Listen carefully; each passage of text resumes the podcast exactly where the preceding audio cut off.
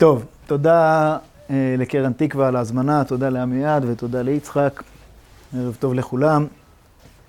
אנחנו פותחים בפורום הזה אה, את ההרצאות של אה, ברוח השעה וסדרה של חמש הרצאות שאני הוזמנתי להעביר.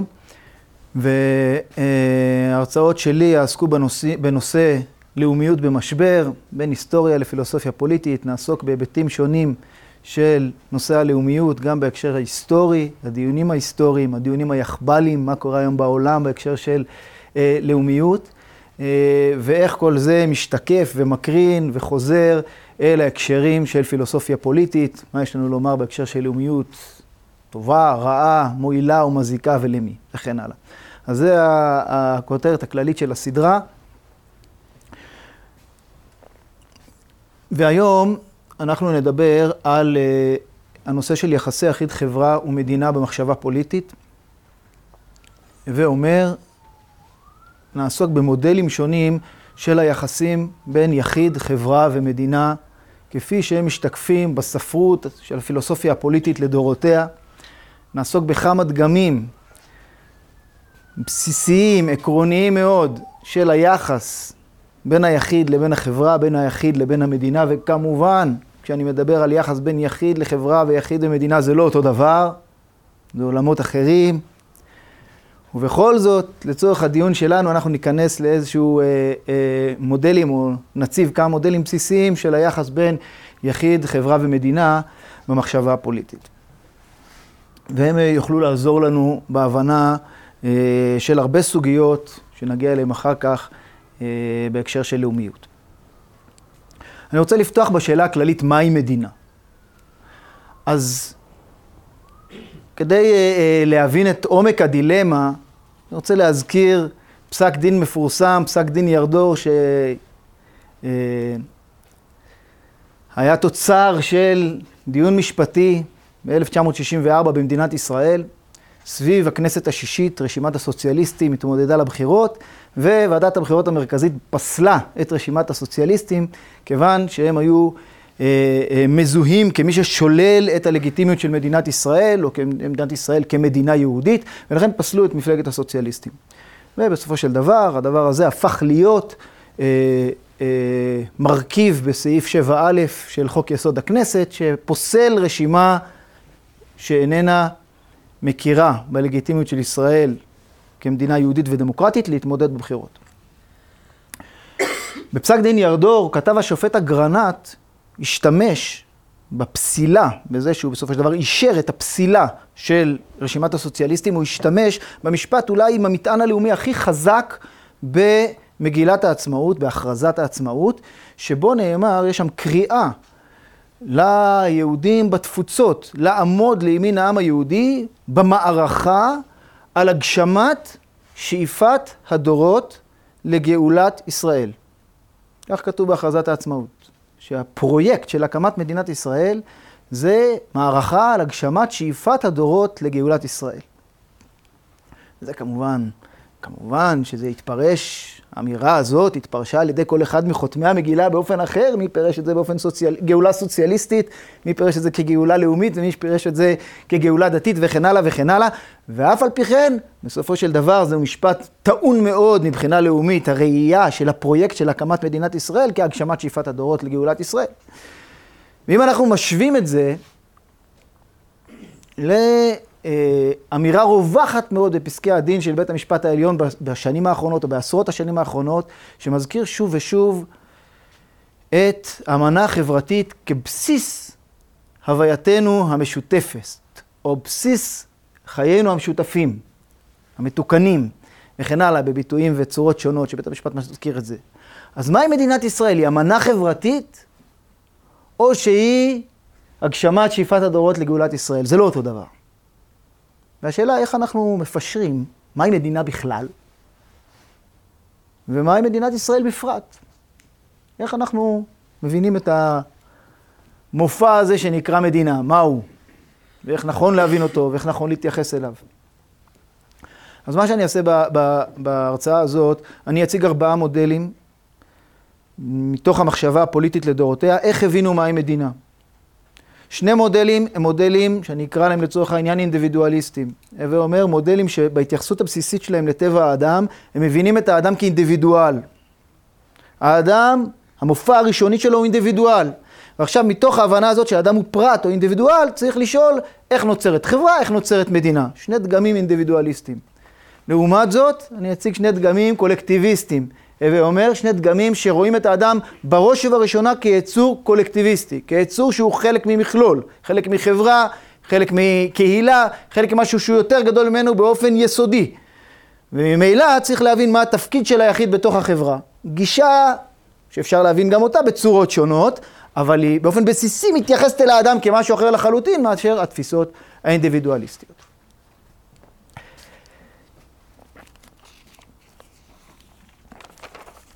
אחרי שנציג את ארבעת המודלים האלה, אני אתייחס למקרה הישראלי בקצרה, וקצת ננסה לנתח את המשמעות של המודלים השונים אל המקרה הישראלי, והאם אנחנו צריכים באמת לראות אותם כמודלים נפרדים, או שנכון יותר שננסה באיזשהו אופן לשלב אותם, או למזג אותם, או לשאול את עצמנו את השאלה, מה המקום שאנחנו נותנים לתוך כל, לכל אחד מהמודלים, באופן שבו אנחנו מנתחים את הפוליטיקה או סוגיות פוליטיות קונקרטיות. טוב. אז הנה ארבעה מודלים כתובים פה, אני לא אקרא אותם עכשיו, ובואו ניכנס מיד אל המודל הראשון. אז המודל הראשון הוא מודל שאני אקרא לו באופן כללי המדינה ככוח, או המדינה כאלימות.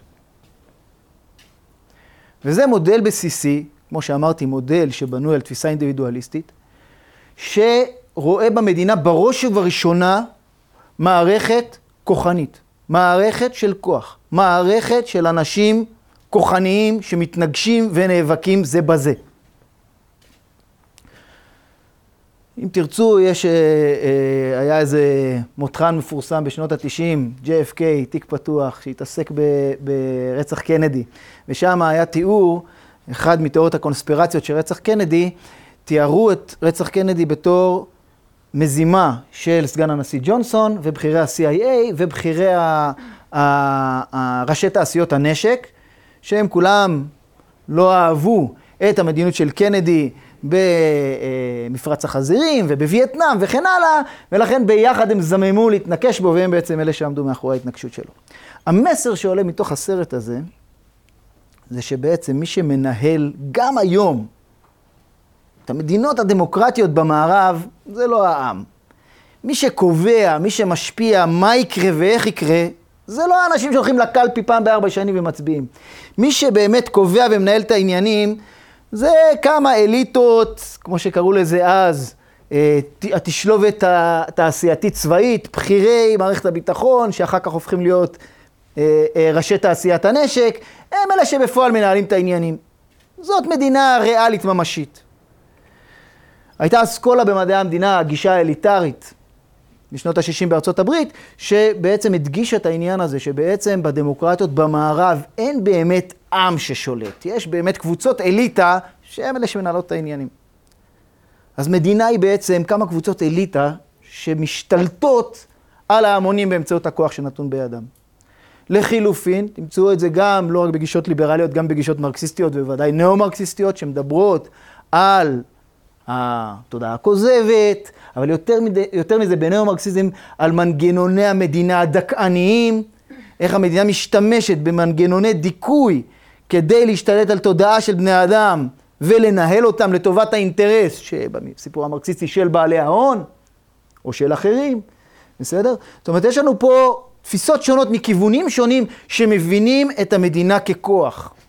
יש לסיפור הזה שורשים, ואני ציטטתי ב, ב, פה את הדברים המפורסמים של טרזימחוס בספר המדינה, שבעצם אומר שהצדק הוא תועלתו של החזק. בעצם מה זה המוסר, הצדק, החוק? זה בסך הכל איזשהו ניסוח, יחסי ציבור שהחזק עושה לאינטרסים שלו. החזק יש לו מספיק כוח כדי שהוא יוכל לעשות לעצמו יחסי ציבור ולשווק את זה בתור משהו שכולם יחשבו שזה גם אפילו צודק. וראוי לציית לזה, וזה ינוסח כחוק וכן הלאה. אבל בעצם החוק, החקיקה, המנגנונים של המדינה אינם אלא ניצול שכמה אנשים חזקים מנצלים את האחרים. זה הסיפור של המדינה. המדינה היא כוח, המדינה כאלימות. אנחנו יכולים לראות את זה בהרבה אה, אה, אסכולות חשיבה, וכל מה שאני, כל מודל וכל דגם שאני מציג פה הוא בעצם דגם שאפשר לכנס אליו הרבה הוגים מהרבה תקופות. זה בדיוק מה שאני מנסה לעשות פה, להציג את המודלים הבסיסיים, כמו שהם מופיעים באסכולות שונות לאורך הדורות. אז הנה דוגמה, אה, ציטוט קצר מניטשה. שגם הוא שייך אל, ה, אל התפיסה הזאת, והוא כותב כך: הכנסתה של אוכלוסייה שהייתה עד כה חסרת רסן ומבנה למסגרת של קבע, כשם שראשיתה מעשה אלימות, כך המשכה עד סיומה שרשרת של מעשי אלימות רבים. משמע שהמדינה הקדומה ביותר קמה מלכתחילה, ואף המשיכה לפעול כעריצות איומה, כמכונה מרסנת חסרת רחמים, עד אשר חומר גולמי זה של המון אדם וחיות למחצה, לא זו בלבד שנלוש עד להיותו עיסה רכה, כי אם גם קיבל צורה. בשביל להפוך את אותו אה, אה, חומר גלם כזה של כל כך הרבה בני אדם, להיות איזו מדינה מסודרת, צריך איזשהו אה, אה, מכונה חסרת רחמים אה, אה, ושרשרת של מעשי אלימות רבים, שבסופו של דבר, בקצה, יוכלו לארגן לנו איזו מדינה מסודרת. אחרת זה לא יכול לעבוד. התפיסה הזאת יושבת על הבנה של טבע האדם בתור יצור שהוא אינדיבידואל שדואג לעצמו וסובב סביב עצמו. וממילא החיבור של בני אדם, החיים שלהם יחד, הם בעצמו מעשה של התנגשות. וממילא אחד ההסברים, שזה ההסבר שמופיע לנו בדגם הזה, ההסבר איך בני אדם חיים יחד, איך זה קרה, אם ביסודם אינדיבידואלים, כי כמה חזקים השתלטו על כמה חלשים. זה מה שאנחנו רואים, כשאנחנו רואים חברה, זה מה שאנחנו רואים. כמה חזקים שהשתלטו על כמה חלשים. דגם אחר, יותר רווח ויותר מפורסם בזמננו, הוא הדגם של אמנה חברתית. אני אומר בזמננו, אני מתכוון בתוך השיח המשפטי או הציבורי הרווח, כי כפי שאמרתי, גם האסכולה הראשונה או הדגם הראשון, בתוך אה, אה, אסכולת מדעי המדינה, יש לו אה, אה, אה, הרבה מקום. אז אנחנו מדברים על תפיסה של אמנה חברתית. התפיסה של אמנה חברתית ביסודה, גם היא מדברת על מצב הטבע כמצב שבו בני אדם חיים כאינדיבידואלים. בני אדם במצב הטבע הם אינדיבידואלים לפי תפיסה של אמנה חברתית. אבל לא זו בלבד. תפיסה של אמנה חברתית אומרת, בני אדם במצב הטבע הם אינדיבידואלים, אבל מסיבות שונות, שתכף נבהיר אותם בקצרה, היה להם סיבה לשנות את מצב הטבע ולעבור אל המצב החברתי או המצב המדיני ולעשות ביניהם חוזה לפי מודל משפטי, אמנה או חוזה משפטי שבו מעכשיו הם יחיו ביחד. אבל מה שחשוב זה לשים לב שגם במצב החברתי, לפי תפיסה של אמנה חברתית, בני אדם נותרו אינדיבידואלים. בני אדם ביסודם אינדיבידואלים, הן במצב הטבע והן במצב החברתי. גם, גם שם הם נותרו אינדיבידואלים. למה בני אדם עברו ממצב הטבע למצב החברתי? אז אנחנו מכירים כאן כמה דגמים, אני אזכיר שני הדגמים המפורסמים ביותר מהמאה ה-17, יש לנו את הדגם של הובס, תומאס הובס, מתומכי המלך צ'ארלס הראשון בזמן מלחמת האזרחים באמצע המאה ה-17, ותומאס הובס, שראה את המדינה מתפרקת במלחמת אזרחים, ורצה לבסס את הלגיטימיות של המלך ושל השלטון, אמר בעצם הזכות של המלך לא רק נובעת מהזכות האלוהית של המלכים, כפי שהיה מקובל בימי הביניים, זכותו של המלך לשלוט קשורה לזה שבני אדם שחיו במצב הטבע כאינדיבידואלים, הבינו, וכל מדינה היא בעצם משקפת את ההבנה הזאת של בני אדם, שהמצב הטבעי שבו כל בן אדם חי לעצמו, הוא מצב שהוא גרוע לכולם. הוא מצב שהוא לא טוב, בוודאי לחלשים, אבל גם לחזקים.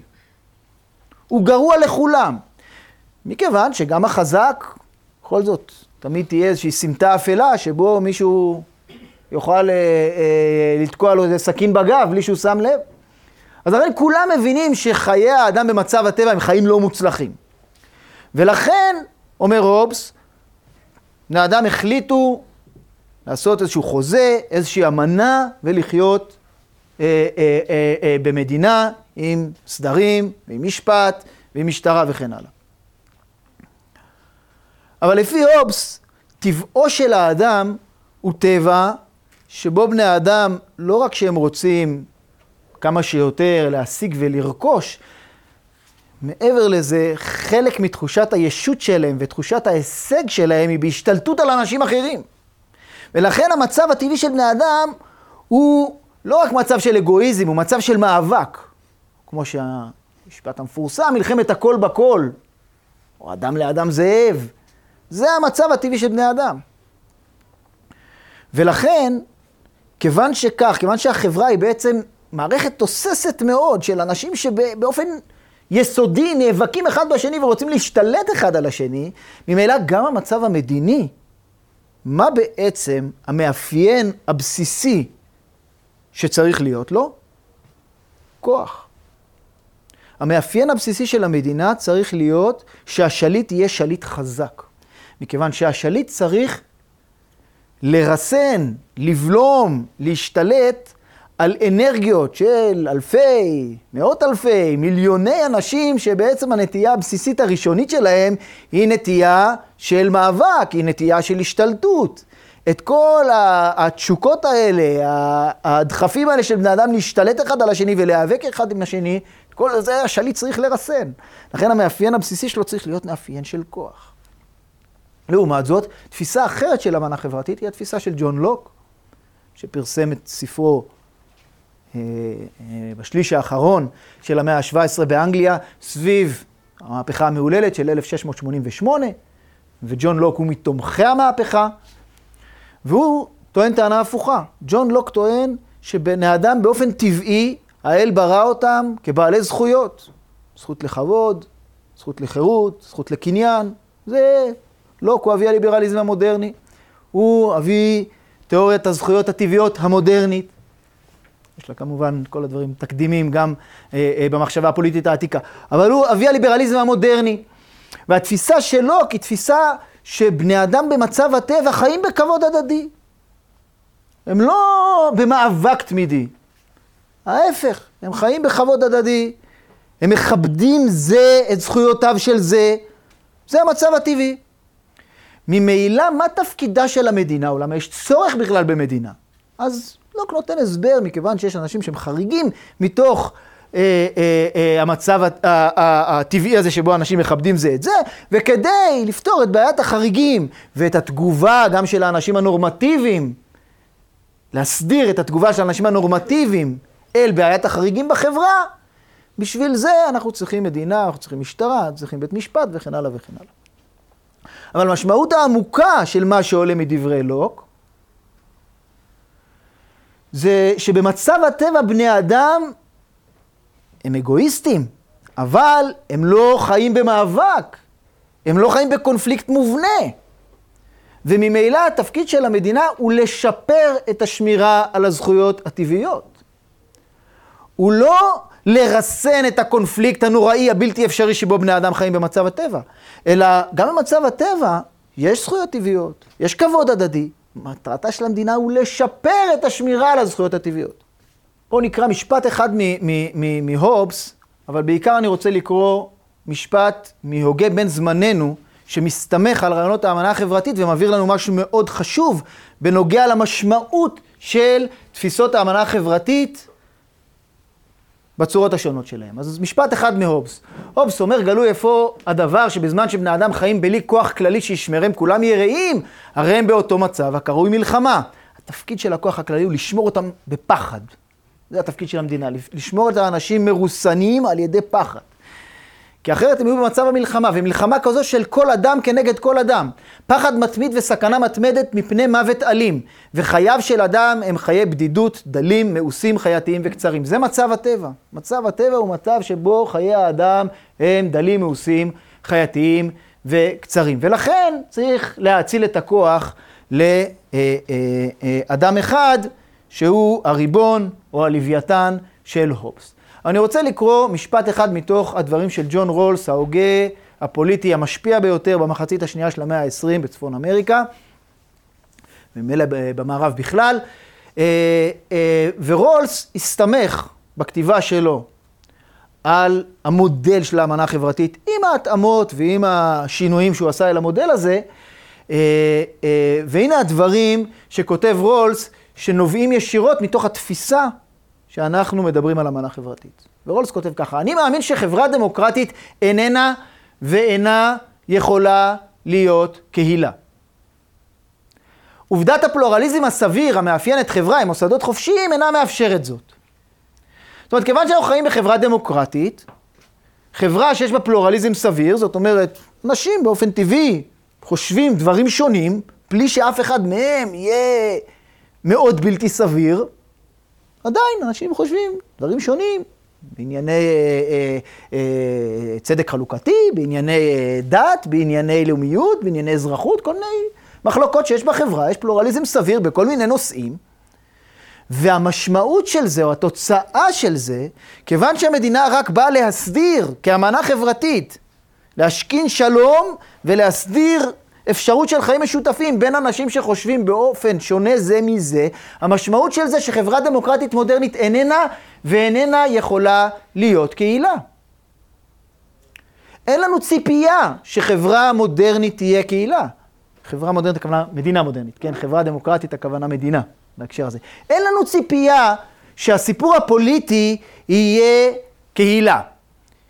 הוא יהיה בו איזשהו אלמנט של זהות, איזשהו אלמנט עמוק של התמסרות. זה לא אמור להיות ככה, כי החברה הפוליטית, הפוליטיקה, המדינה, זה בעצם הסדרה של אינדיבידואלים, שבסופו של דבר כל אחד צריך את השאלות העמוקות בנוגע לתפיסותיו לנהל בעצמו. אז זאת המשמעות שנובעת מתוך התפיסה של אמנה חברתית, ובזה אנחנו רואים את המשותף בין שתי הדעות שהצגנו, המבוססות על התפיסה שהאדם הוא כאינדיבידואל. הוא אדם אינדיבידואל ביסודו. אם האדם אינדיבידואל ביסודו, אפשר להבין בשני מודלים את היחסים בתוך החברה, בתוך המדינה. או כיחסים של השתלטות החזקים על החלשים, כפי שראינו בדגם הראשון, ואז המדינה היא כוח ואלימות, או שהיא הסכמה וחוזה שמטיבה לכולם, וממילא המדינה הופכת להיות אמנה חברתית. בואו נעבור אל המודל השלישי. במודל השלישי אנחנו מדברים על האדם כיצור פוליטי, ופה אנחנו חוזרים לאריסטו ולמאה הרביעית לפני הספירה, באתונה, יוון הקלאסית. והטענה הזאת שהאדם הוא יצור פוליטי מאוד תואם לאתונה הקלאסית. אתונה הקלאסית זאת עיר המדינה הגדולה מערי המדינה של יוון הקדומה. בשיאה, נוטים לומר שהיה שם כרבע מיליון בני אדם, לעומת רוב ערי המדינה שהם פחות מעשרת אלפים בני אדם. מתוכם 30-40 אלף אזרחים, נשים כמובן לא אזרחיות, רק יכולות להוליד אזרחים, אבל הן לא אזרחיות בעצמם, לצורך העניין. כמובן המהגרים הם לא אזרחים, עבדים וכן הלאה, ילדים עדיין לא אה, אה, בעלי זכות הצבעה, ולכן אנחנו מדברים בערך מתוך הרבע מיליון על 30-40 אלף אזרחים באתונה, וחלק מרכזי מחיי היומיום שלהם הוא העיסוק הפוליטי. בסדר? זה מה שחשוב לענייננו. באתונה הקלאסית, חלק מרכזי מחייו של האזרח זה העיסוק הפוליטי. 40 פעם בשנה יש אספה, אספת עם באגורה, כולם מתכנסים, כל האזרחים באים, מתווכחים על עניינים פוליטיים כמעט כל שבוע. יש אירועים חגיגיים, חגים ואירועי תרבות סביב חגי הפוליס. זה חלק מרכזי, משמעותי מאוד בחייו של האזרח, ורק אזרח יכול להשתתף בזה, כמובן. רק אזרח יכול לבחור ולהיבחר, רק אזרח יכול ליטול חלק בפולחני הפוליס. כל ההקשרים התרבותיים האלה, הם קשורים רק לחיי האזרח. וזה משהו מאוד מרכזי בחיי האזרח. ועל רקע זה, אריסטו אומר את אותו משפט מפורסם, שהוא, כפי שאנחנו נראה אה, אה, תכף בציטוטים מתוך הספר הפוליטיקה, הופך להיות משפט מאוד מאוד מרכזי ומשפיע, מכיוון שהמכלול שבו אריסטו מסביר את הדברים האלה זה הניסוח הבהיר ביותר במשך שנים רבות, או מאות שנים, אה, שעדיין עומד להבנה הזאת, או לתובנה הזאת של ההתייחסות אל האדם כיצור פוליטי ברמה היסודית ביותר, שמבהירה את המופע הראשוני של האדם כיצור פוליטי. אז בואו נקרא קטע מתוך דברי אריסטו ננסה לנתח את המשמעות שלו. אריסטו אומר ככה, האדם הוא בעל חיים מדיני במידה יותר גדולה מהדבורים ושאר בעלי החיים המתאגדים בעדרים. אז מה השאלה שאיתה אריסטו מתמודד? אמרתי לכם, האדם הוא יצור מדיני, האדם הוא יצור פוליטי. אבל לכאורה, לא רק האדם, יש הרבה בעלי חיים להקתיים, בעלי חיים עדריים, הזבובים הם גם חיים בלהקות, והגמלים חיים בעדרים. אז אולי גם הם יצורים פוליטיים? אומר אריסטו, לא. אדם הוא בעל חיים מדיני, אבל יותר מגמלים או מכבשים. למה? וכן ברור שהרי אין הטבע, כפי שאנו אומרים, עושה מאומה לבטלה, ורק לאדם בין בעלי החיים כוח הדיבור. היותו של האדם יצור פוליטי קשור לזה שהוא יצור מדבר. הכל אמנם סימן הוא של המכאיב והנעים, ולפיכך נמצא הוא גם בשאר בעלי החיים. אבל כוח הדיבור מיוחד הוא לאדם לעומת שאר בעלי החיים, שיש לו ולא לבדו הרגשת הטוב והעוול וכיוצא באלה. אז האדם הוא יצור מדבר, אבל הוא שונה מהשמעת הקול שיש גם לבעלי חיים. את זה צריך להסביר. והמשפט האחרון, השותפות באלה היא היוצרת בית ומדינה. מזה שהאדם הוא יצור מדבר, בגלל זה יש לו טוב ועוול, בגלל זה הוא יצור מוסרי. מכיוון שהוא יצור מוסרי, על כן הוא יצור פוליטי. את ההשתלשלות של המחשבה של אריסטו צריך להסביר. אריסטו אומר את הטענה הבאה. בעלי חיים הם יצורים שמשמיעים קולות. זה נכון. הם יכולים לסמן סימוני טריטוריה, הם יכולים לסמן סימני חיזור, הם יכולים לסמן סימני אזהרה, הם יכולים לסמן כל מיני סימנים. אבל הם לא מתעסקים בטוב ובעוול, בצדק וברשע. מה המובן של המילים האלה לפי אריסטו? אריסטו לא מדבר על איזה צדק אה, של עולם האידאות כמו אפלטון. אריסטו דחה את אה, דבריו של מורה אפלטון בעניין הזה. אז מה נשאר לו? כשהוא מדבר על הצדק והעוול, למה אריסטו מתכוון? אריסטו מתכוון לזה שלעומת העיסוק במועיל ובמזיק, שזה ההנאה הקונקרטית המיידית שגם בעלי חיים יכולים להתעסק בה. הגמל רואה איזה אגם, ויש לו איזה דחף ללכת אל האגם כדי לשתות. בסדר? זה גם הגמל יכול אה, אה, אה, להשמיע סביב זה איזה קול כדי לקרוא גם לגמלים האחרים, או להשמיע איזה נהמה של שמחה. זה כן. אבל הדיבור, המחשבה המופשטת, והדיבור הוא תמיד קשור גם אל הדיבור הפנימי, כיוון שאין לנו מחשבה בעצם ללא דיבור. מחשבה מורכבת תמיד מכילה בתוכה דיבור. והמחשבה מאפשרת לנו לחשוב לא רק על הכאן והעכשיו, אלא גם על תכנון עתידי לטווח רחוק. המחשבה מאפשרת לנו לא רק להתעסק בדחפים המיידיים שלנו, בצמא של הגמל שסביב האגם שהוא רואה, אלא אדם שרואה את האגם יכול להתעסק בתכנון לטווח רחוק של חלוקה צודקת של המים, או חלוקה מיטבית של המים, אל אזרחי האזור.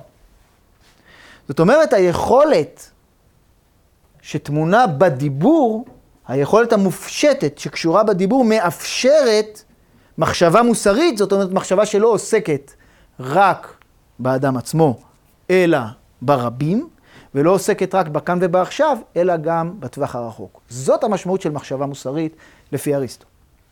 ולכן היא קשורה אל הדיבור. נשאלת השאלה, למה זה קשור למדינה? הרי מחשבה מוסרית, אדם יכול לשבת בערב ולעסוק עם הילדים שלו בארוחת ערב בשאלות מוסריות. כל אדם קובע לעצמו האם הוא מתעסק, ב, ב, ב, מדבר עם הילדים שלו לכדורגל או על שאלות מוסריות, נכון? אז למה זה קשור למדינה? למה המדינה היא שותפות בעניין מוסרי? אריסטו מבין את המדינה בתור המרחב הממוסד שבו בני האדם עוסקים בשאלות מוסריות. זה עניינה של המדינה. אריסטו מנתח צורות שונות של שותפויות אנושיות. בני אדם שותפים ברמה ראשונה במשק הבית, שבו יש איש ואישה וילדים ועבדים, לפי התפיסה שהוא מכיר, ש, אה, אה, אה, שעוסקים בהמשכיות המין האנושי וכן הלאה. זו המסגרת המצומצמת. יש שותפות יותר רחבה, שאותה הוא מכיר והוא קורא לה כפר, שבה אנשים דואגים למקסום התועלת שלהם באמצעות סחר חליפין ושיפור הכלכלה ושיפור הביטחון. זה שותפות יותר רחבה. אבל השותפות שבה בצורה ממוסדת, האדם מביא לידי ביטוי את היכולת שלו לחשוב על הטוב והרע, על הצדק והעוול, לחשוב על שאלות מוסריות, לנסות לשאול את השאלה מה נכון לעשות לנו כקבוצה לאורך זמן, שזה משמעות הפעילות המוסרית. המקום שבו בני אדם עושים את זה בצורה מסודרת זאת המדינה. ואיפה זה נעשה במדינה? כמובן בדיון הפוליטי, כיוון שכל מפלגה מקדמת בעצם, לפי התפיסה של אריסטו, את מה שבעיניה נכון, את מה שבעיניה צודק. היא לא רק מייצגת אינטרסים, זה ויכוח על הטוב. ובסופו של דבר, זה מתכנס אל החקיקה. החקיקה זה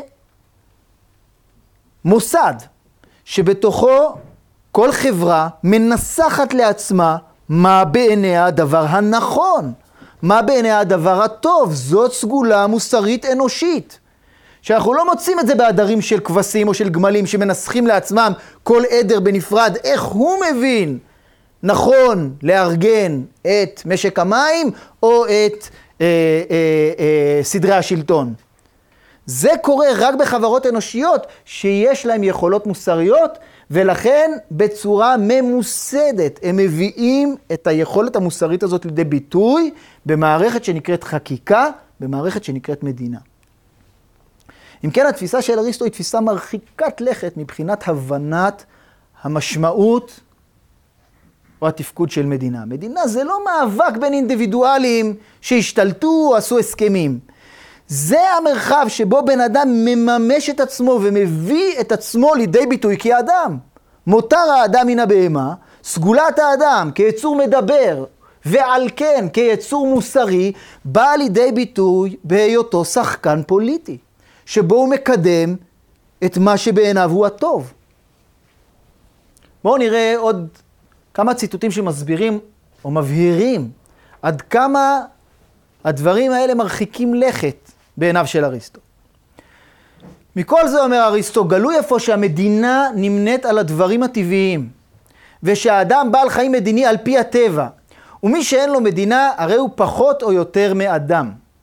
זאת אומרת, לפי אריסטו, מי שאין לו מדינה הוא פחות או יותר מאדם, זאת אומרת, המקום שבו האדם מממש את עצמו כאדם, או במילים אחרות, מממש את עצמו כיצור מוסרי, זה בפעילות שלו במר, במרחב הפוליטי, שבו הוא מציית לחקיקה, או מקדם את החקיקה באופן שבו הוא מבין שהיא הצדק, או היא הטוב. שם הוא מממש את עצמו, במרחב הזה הוא מממש את עצמו כיצור מוסרי.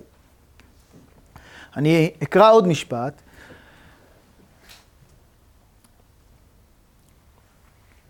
והציטוטים האלה מתוך אה, ספר הפוליטיקה, רק האחרון מתוך האתיקה. אריסטו אומר כך: וכן קודמת המדינה על פי הטבע לבית, ואף ליחידים שבבני האדם. כי הכלל קודם בהכרח לחלק. עכשיו, אני לא קורא יותר ולא מצטט יותר מבפנים, אבל כשאריסטו אומר שהמדינה קודמת אל היחיד, לא הכוונה לאיזשהו דיון קונקרטי, שיש איזושהי התנגשות בין המדינה ליחיד, ושאלה של מתח, האם להעדיף את היחיד או להעדיף את המדינה. זה לא, זה לא הדיון. הדיון של אריסטו הוא דיון לוגי. אריסטו מבהיר, וזה, לכן המשפט הזה הוא כל כך חשוב, כדי להבין עד כמה אריסטו מרחיק לכת. מבחינת אריסטו יש קדימה לוגית של המדינה, או של החברה, או של המכלול האנושי, אל האינדיבידואל. האינדיבידואל הוא הפשטה. הוא בעצם לא קיים במציאות לפי אריסטו, הוא הפשטה. ואריסטו נותן את הדוגמה מגוף אנושי. מגוף אנושי אורגני. כאשר אנחנו מדברים על יד, יד, אנחנו יכולים להבין יד רק בהקשר של גוף מתפקד. אם יש יד אנושית שלא בהקשר של יד מתפקד, היא מתפקדת, אם יש יד שלא בהקשר של גוף מתפקד, בעצם היא איננה יד אנושית. יד אנושית זה כאשר היא חלק מאדם מתפקד. מה המשמעות של זה מבחינה מדינית? המשמעות של זה שאם יבוא חייזר מהחלל החיצון, יסתכל על האנושות, לעולם הוא לא יראה אינדיבידואלים. כשהוא יסתכל, יגיע לכדור הארץ ויסתכל על האנושות, הוא יראה חברות. בני אדם הם חברות אנושיות. ומה הם בני אדם כאינדיבידואלים? הם איברים בתוך חברה אנושית. כתבו הובס ולוק ורבים אחריהם את רעיונות האמנה החברתית, ועדיין רובינזון קרוזו נשאר באגדות. כיוון שחיזרו האנתרופולוגים על כל אי ב- אה, אה, ויבשת על פני כדור הארץ, ועוד לא מצאו את האדם במצב הטבע.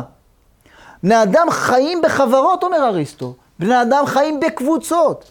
ותמיד הם מקבלים את המימוש המלא שלהם ואת המשמעות שלהם כאשר הם פועלים במסגרת החברה, במסגרת המדינה, ושם הם מביאים לידי ביטוי את אותה קומה מוסרית שמייחדת את האדם, אותה יכולת לחשוב ולדון ולדבר ולחוקק את הצדק, את הטוב ואת הרע, את הרשע או את העוול. ולסיום, אני לא אקרא מבפנים ואני רק אומר נקודה אחרונה שהיא מאוד חשובה אה, אה, להבנת העמדה הזאת של אריסטו ואת מלוא המשמעות שלה, והיא מתבהרת בפר, בספר השמיני והתשיעי של ספר האתיקה של אריסטו, ששם אריסטו מדבר על הידידות. האדם הוא לא רק יצור מדיני, אומר אריסטו, האדם הוא יצור חברתי.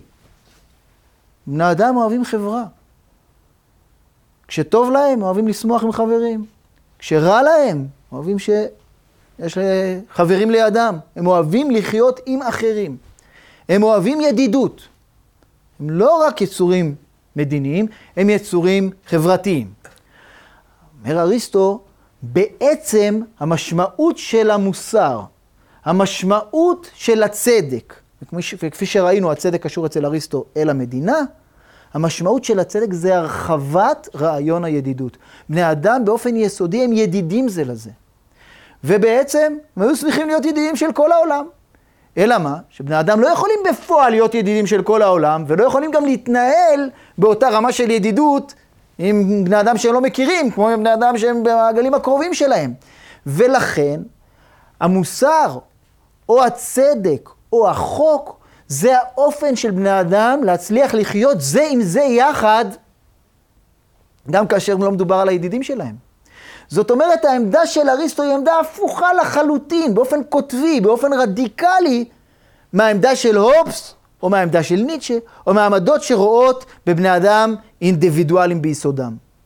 אריסטו אומר, בני אדם ביסודם הם חיים יחד, ביסודם הם פתוחים זה לזה, ביסודם הם ידידים זה לזה. לא רק שיש להם זכויות והם מכבדים את הזכויות אחד של השני, ביסודם הם ידידים זה לזה.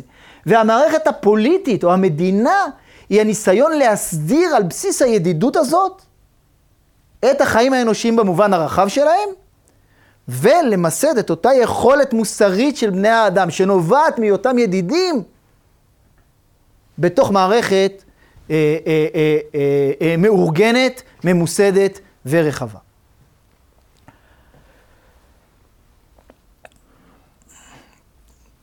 העמדות האלה מצאו מקום גם בתוך העולם המודרני, בין השאר אולי הוגה בולט במאה ה-19, בולט זה מפורסם, הגל אימץ חלקים נרחבים מתוך התפיסה הזאת, הכניס אותה בתוך מכלול פילוסופי מאוד רחב של המשנה שלו ולא אכנס לזה, אבל לא לחינם.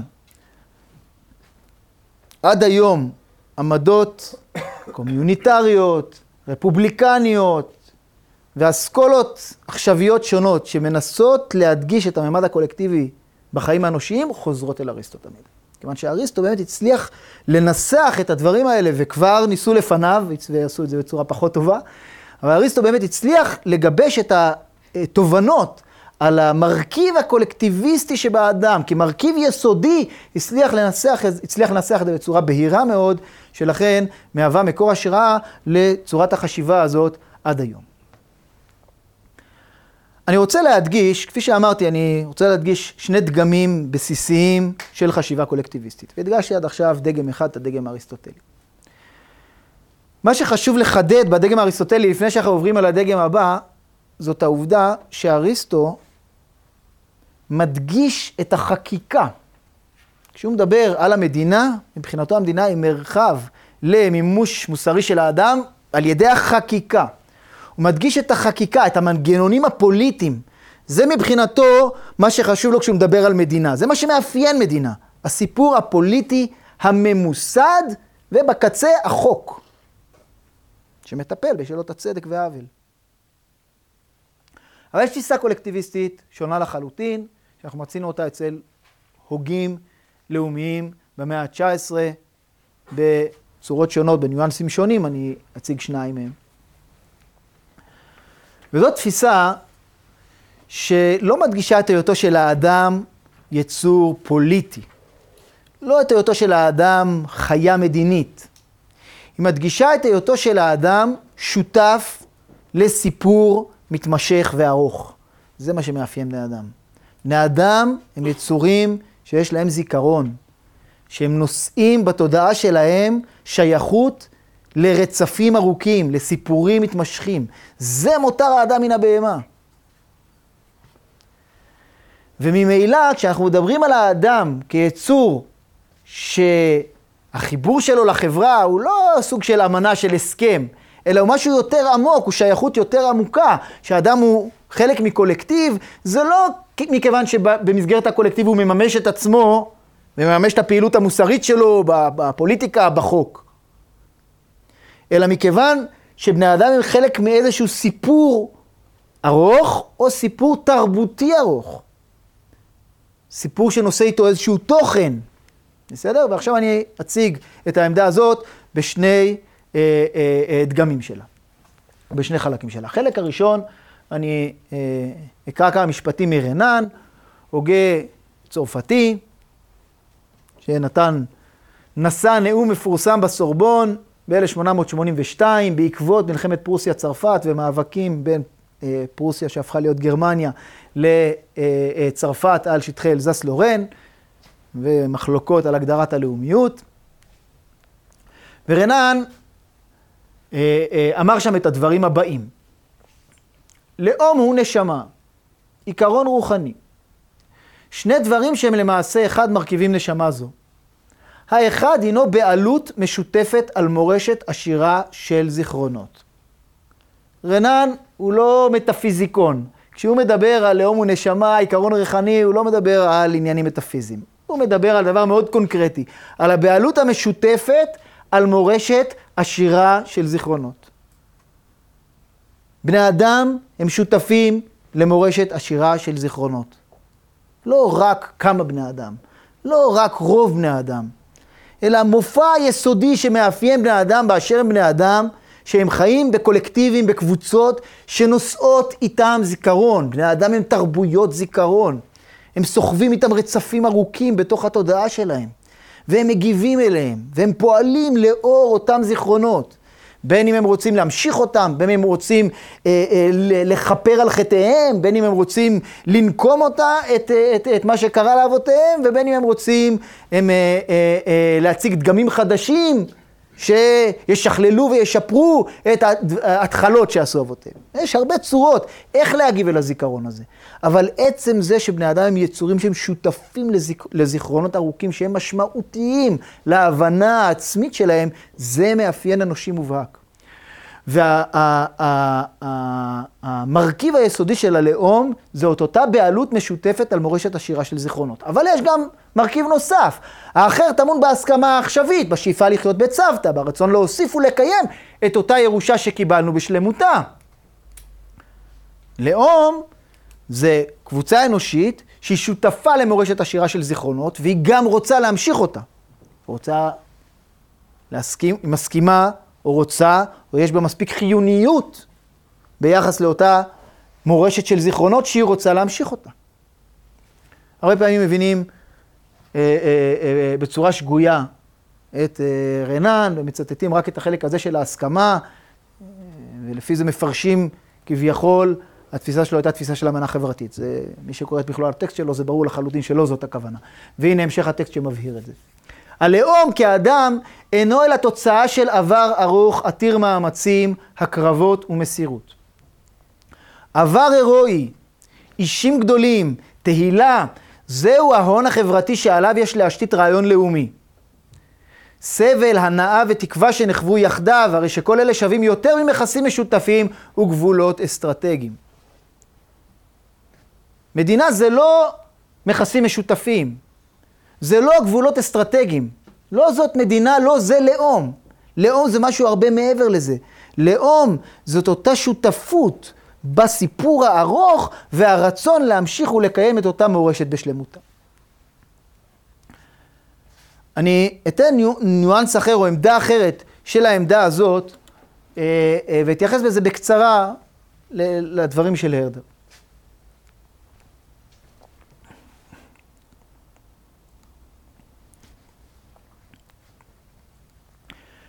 הרדר, הוגה מסוף המאה ה-18, שהשפיע רבות על המחשבה הלאומית וגם על, אה, אה, בין השאר, גם על הוגי הציונות, תיאר את החיבור של בני אדם אל, השפ... אל הלאום שלהם דרך החיבור אל התרבות ובפרט אל השפה.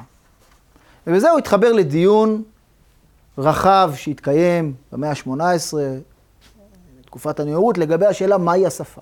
מהי השפה האנושית? הזכר, האנושית? הזכרנו את זה קודם בקצרה כשדיברנו על אריסטו. מהי השפה? היו כאלה שאמרו, השפה האנושית היא בסך הכל כלי תקשורת.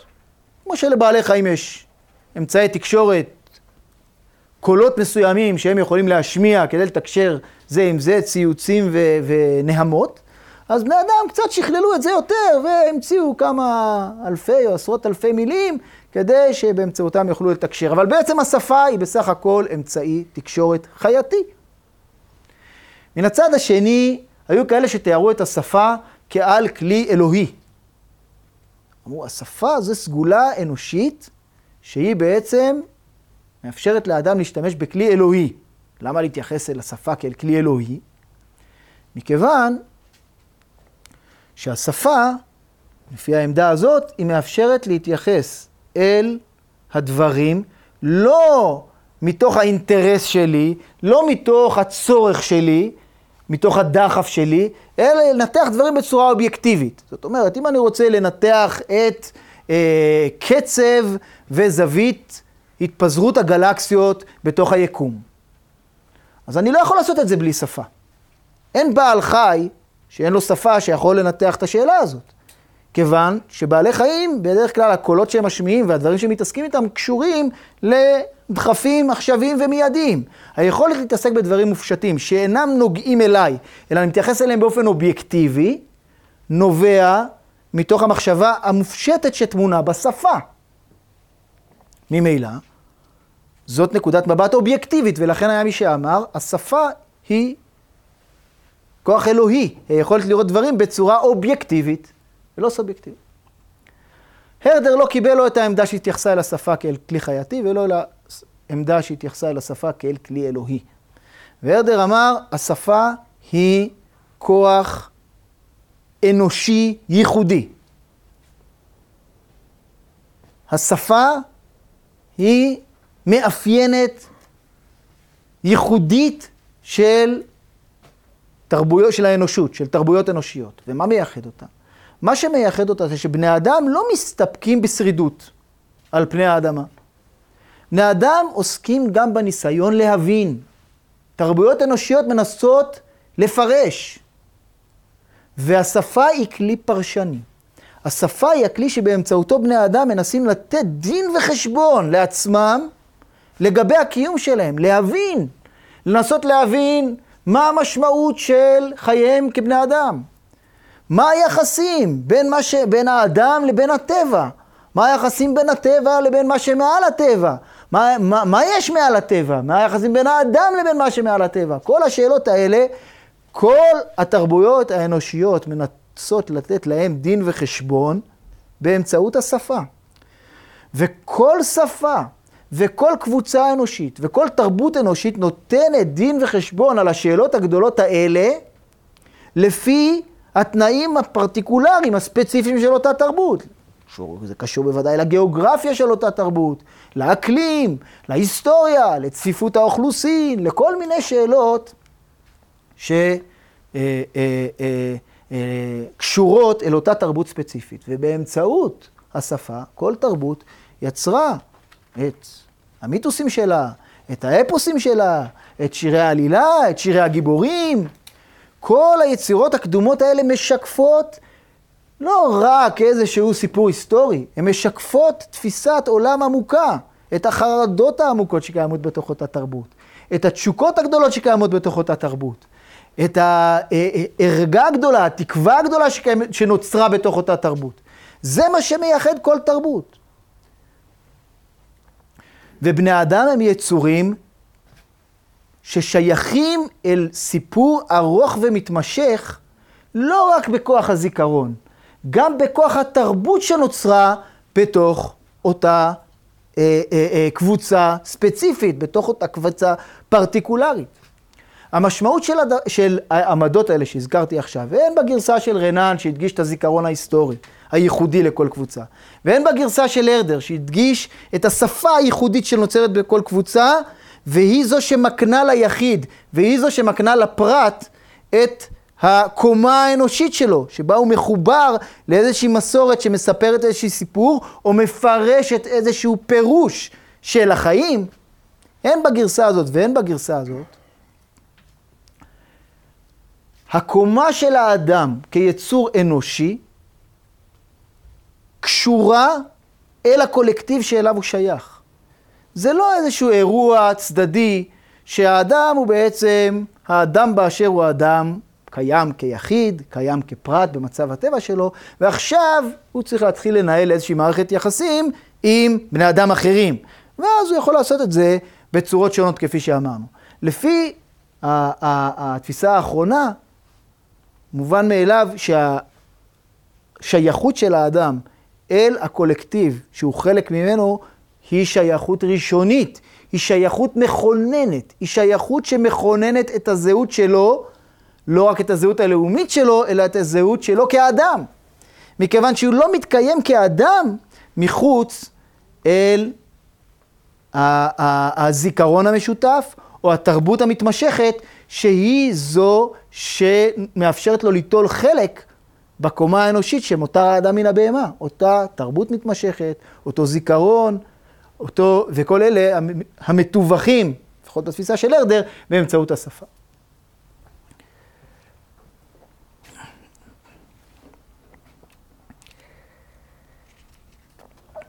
אני רק אחתום את, ה, את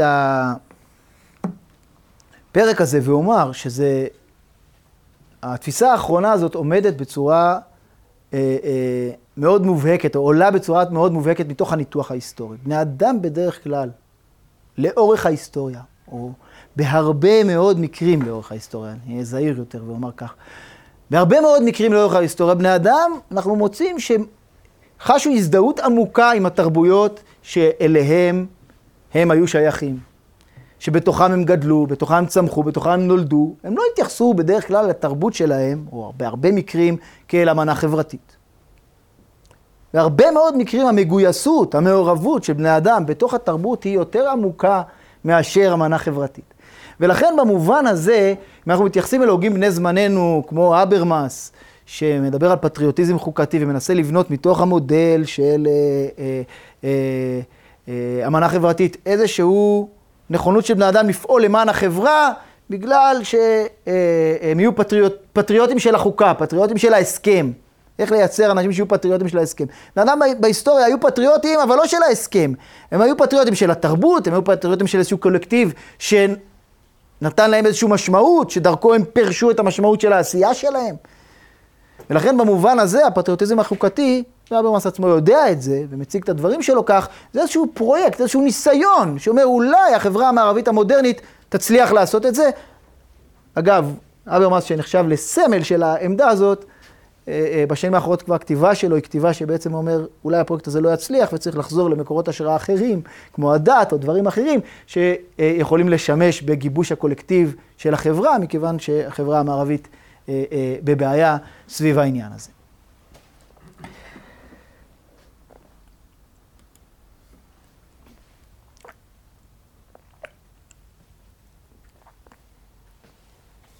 נותרו לנו כמה דקות כדי לסכם את הדברים ולנסות לחשוב לאן המודלים השונים האלה לוקחים אותנו. אז ראינו ארבעה מודלים באופן בסיסי, ראינו שני מודלים אינדיבידואליסטיים, שני מודלים קולקטיביים. ראינו מודל, במודלים, הקולק... במודלים האינדיבידואליים, ראינו עמדה אחת שרואה את המדינה כמאבק בין פרטים והשתלטות של חזקים על חלשים, המדינה היא כוח, המדינה היא אלימות, ועמדה יותר מתונה שרואה את בני האדם כאינדיבידואלים, אבל רואה את המדינה כאיזשהו הסכם, כאיזשהו חוזה. ראינו מצד שני את העמדות הקולקטיביסטיות, שרואות את האדם כחלק בלתי נפרד מהקולקטיב, אם סביב נושא החקיקה, הקולקטיב זה מבחינתו המרחב שבו הוא יכול להביא לידי ביטוי את הקומה המוסרית שלו, ואם סביב ההיבט הנרטיבי, הסיפורי, שבני אדם יכולים במסגרת הקולקטיב להביא לידי ביטוי, או דרכו הם חווים את עצמם כבני אדם השייכים לסיפור מתמשך, אה, אה, אה, רציף, שבעצם עוזר להם להבנה העצמית שלהם, שזוהי הקומה האנושית של בני אדם כיצורים שהם מפרשים את החיים שלהם ולא רק שורדים. לשאלות האלה יש השלכות מרחיקות לכת לגבי השאלה איך אנחנו מבינים חברה ואיך אנחנו מנהלים את החברה. ואיזה ערכים אנחנו מייחסים לשותפות בתוך הפרויקט החברתי. למשל, האם יש ערך להשתתפות פוליטית? השתתפות פוליטית זה ערך או שזה אופציה? יש מי שיאמר, מי שאוהב פוליטיקה, שיתעסק בפוליטיקה. מי שאוהב uh, ספורט, ילך לעשות ספורט, שזה עדיפות בזה שבן אדם עוסק בפוליטיקה, שהוא הולך, שמקדם את הערכים שלו במסגרת מפלגה, במסגרת איזו התמודדות. יש מי שיגיד לא, יש מי שיגיד לא, דווקא תפיסה רפובליקנית תאמר, מהסוג של אריסטו, תאמר, יש ערך רב בזה שאדם משתתף השתתפות פוליטית ומקדם את הערכים שהוא מאמין בהם. שם הוא מממש את היכולות המוסריות שלו כאדם. טוב, כמובן צריך לשאול באיזה מרחב נכון לתרגם את הדברים שאריסטו אמר בתוך העולם שלנו היום. אנחנו לא חיים היום במדינה של אה, רבע מיליון אנשים עם 30 אלף אזרחים באתונה. היום יש לנו חברה שמורכבת באופן אחר, בנויה באופן אחר, זה בסיס לדיון, אבל זו התייחסות ראשונית אחרת, איך אנחנו מתייחסים לשאלה כמו השתתפות פוליטית. עכשיו, יש מרחבים שבהם אנחנו מאוד, כל אחד מהעמדות האלה, יש מרחבים או אזורים שבהם מאוד מובן לנו, או זה עושה שכל להתייחס אה, אה, לכל אחד מהמרכיבים האלה. כאשר אנחנו מתייחסים לחברי כנסת או פוליטיקאים, אה, בלי קשר לשאלות עכשוויות ולקשרי הון, שלטון, עיתון, הם... אה, אה, ופוליטיקאים שמקדמים את האינטרסים שלהם במסגרת הכוח שיש בידם, אז אנחנו בעצם לא פעם משתמשים או אומרים או משקפים את העמדות הראשונות, את העמדה הראשונה שבה מתייחסת אל המדינה כאיזה סוג מאבק כוח, שבו כל אחד מושך את השמיכה אל הכיוון שלו. מי שקרוב אל הצלחת הוא זה שמושך. וכן הלאה, אנחנו יכולים למצוא, אין לנו, זה לא יהיה סביר מצידנו ל, ל, ל, לצפות לזה שבן אדם בא לבית משפט ותובע איזו תביעה אה, ממונית כנגד השכן שלו שפלש אליו לחצר, ובמקום לדון בזכויות הספציפיות שמגיעות לו, יתחיל, השופט יתחיל לדון איתו בשאלת השייכות שלו לקולקטיב ועל הפתיחות היסודית של בני אדם זה לזה, שלכן מכוח ידידותו הוא מצפה ממנו לוותר אל השכן שלו. אז לכן יש אזורים שונים שבתוכם אנחנו מצפים להתנהגויות שונות או למובנים שונים של המדינה בהקשרים שונים. אבל חשוב מאוד לשים לב וזה לא תמיד בהיר מספיק בתוך התרבות שאנחנו חיים בתוכה, אלא הממד הרביעי והמשמעות שלו ככלי שבלעדיו, או כלי חשיבה, בלעדיו אי אפשר להבין את המדינה המודרנית בכלל ואת מדינת ישראל בפרט. כי כפי שפתחתי, הרכיב הזה שמופיע במגילת העצמאות, הראייה הזאת של מדינת ישראל כ... אה, אה, מערכה להגשמת שאיפת הדורות לגאולת ישראל, במובנים השונים שלה ובפרשנויות השונות שלה, שכל מפלגה וכל אחד מחותמי המגילה נתן אל המשפט הזה, בלי זה אי אפשר להבין את מדינת ישראל. לא את ההתרגשות של אזרחי מדינת ישראל ביום העצמאות, ולא את המגויסות, ולא את הנכונות שלהם לתרום אל המדינה בהקשרים שונים ובמופעים שונים. ולכן, אני לא מתיימר במסגרת הרצאת המבוא הקצרה הזאת לפתור או להבהיר את המקום המדויק של כל אחת מהתפיסות האלה במסגרת החיים הפוליטיים והציבוריים שלנו.